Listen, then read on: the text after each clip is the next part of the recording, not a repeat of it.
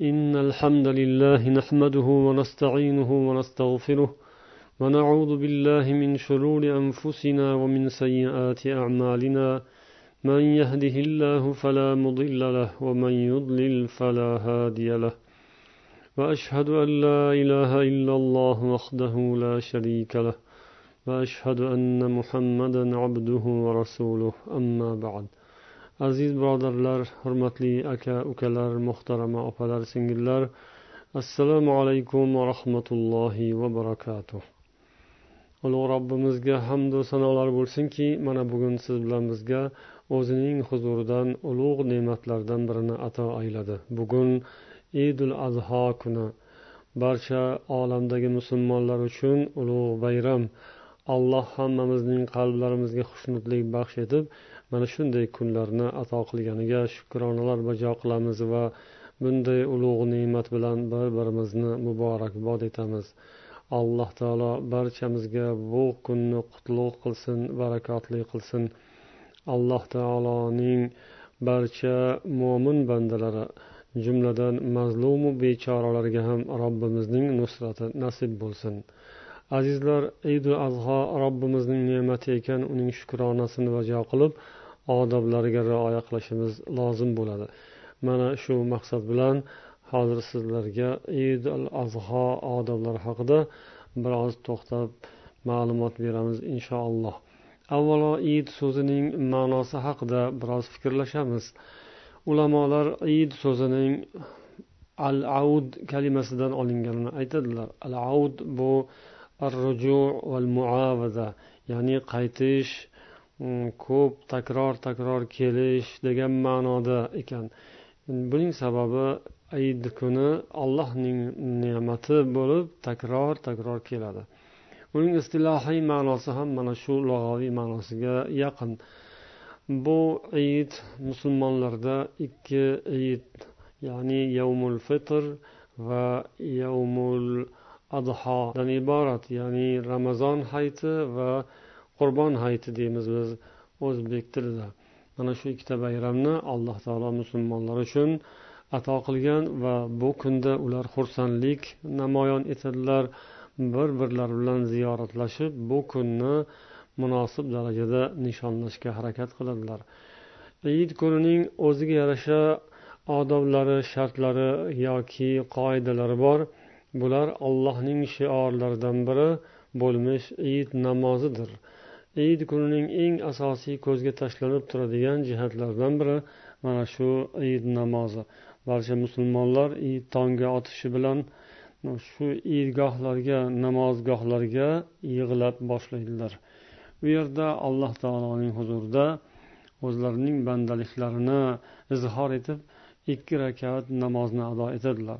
Rasululloh sollallohu alayhi vasallamdan siz bilan bizga sunnat bo'lib qolgan mana bu id namozi. Buning hukmi haqida ulamolar ba'zilari sunnat deganlar ba'zilari esa vojib deb aytganlar. Payg'ambarimiz sollallohu alayhi vasallam hayotlari davomida biror marta ham tark qilmaganlari doimiy ravishda id namozini ado etganlariga asoslangan holda ulamolar buni vojib ya'ni tark qilish gunoh bo'ladi degan ijtihodlarni taqdim etishgan vallohu alam mana shunisi to'g'riroq sanaladi. Shuning uchun barcha musulmonlar hatto ba'zi namoz o'qiymaydiganlar ham id namoziga kelishlarini ko'rasiz.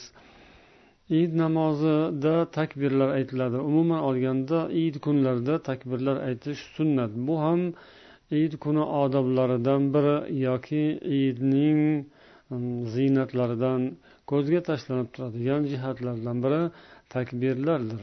Alloh taolo qur'oni karimda fi ma'dudat degan.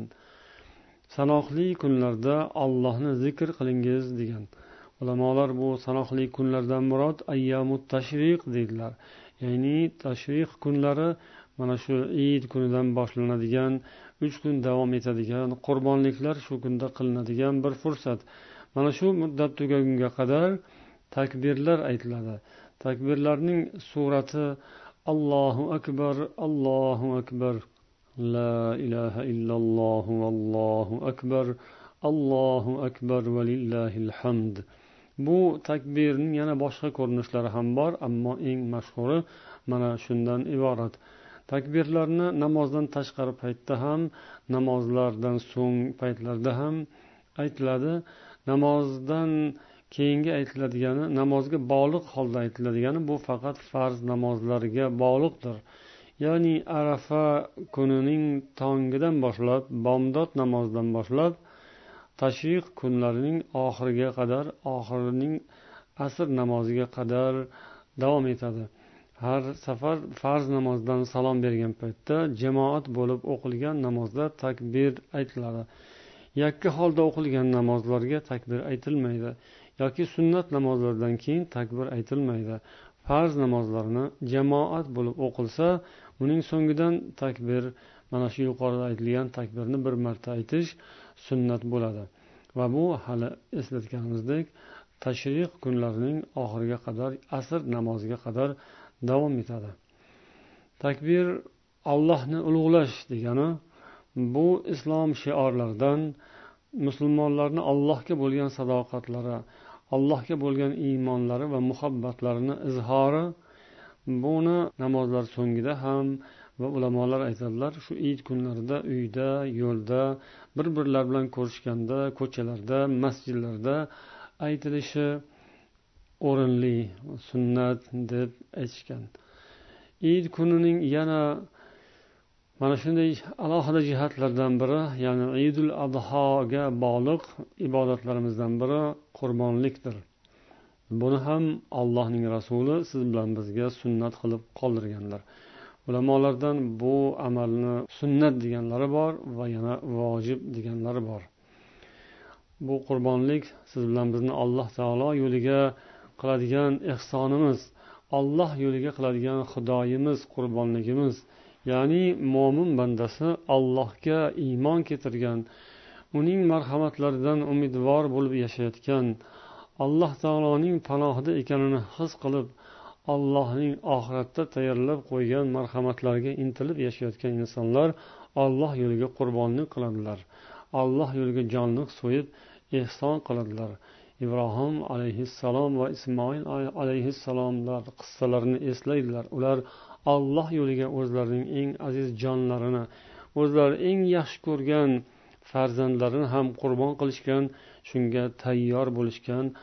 Biz har qurbon hayiti kelganda qodir bo'lgan insonlar alloh yo'liga qurbonlik qilishlari bilan ana shu qissalarni eslaydilar va o'sha zotlarga ergashamiz.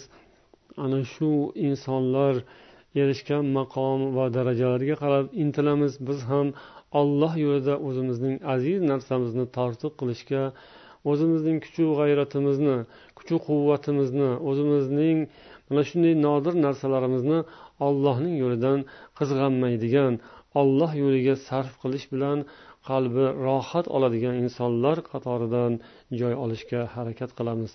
Alloh barchamizni ibodatlarimizni qurbonliklarimizni dargohida qabul aylasin. Aziz birodarlar id kunining yana bir qator mustahab bo'lgan amallari bor. Jumladan id kuni uchun rasululloh sollallohu alayhi vasallam sunnatlariga amal qilib g'usl qilish yuvinib poklanish va yangi yoki toza pokiza kiyimlarni kiyish ziynatlanish ya'ni toza kiyimlarni kiyish bilan va xushbo'ylar sepish misvok qilish tishlarni tozalash poklanish. Bu ham iyit odoblaridandir. Barcha musulmonlar bir maydonga yig'ilib namozgohlarga yig'ilib bir birlari bilan yaqin turib allohga ibodat qilar ekanlar.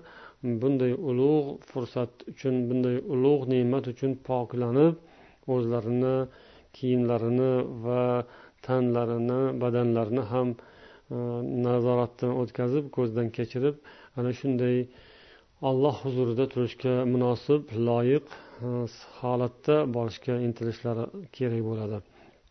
Payg'ambarimiz sollallohu alayhi vasallam ummatlariga e, kiyimlarini ikkita kiyim qilishga tavsiya qilganlar. Ya'ni biri oddiy kiyim uyda yoki ishga kiyadigan kiyimi yana biri esa juma uchun yoki id uchun kiyadigan kiyimi bo'lishi kerakligini payg'ambar sollallohu alayhi vasallam tavsiya qilganlar. Payg'ambar alayhissalotu vassalom aytganlar ya'ni sizlardan biringiz ikkita kiyimi bo'lsa nima qilardi?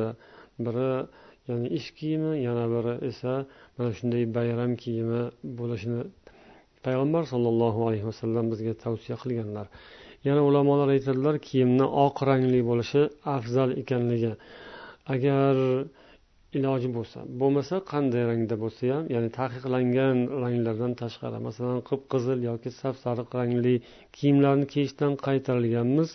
Undan boshqacha holatda boshqa rangli kiyimlar shu insonlar o'zlarini didlariga qarab sharoitlari urf odatlariga qarab kiyinadilar.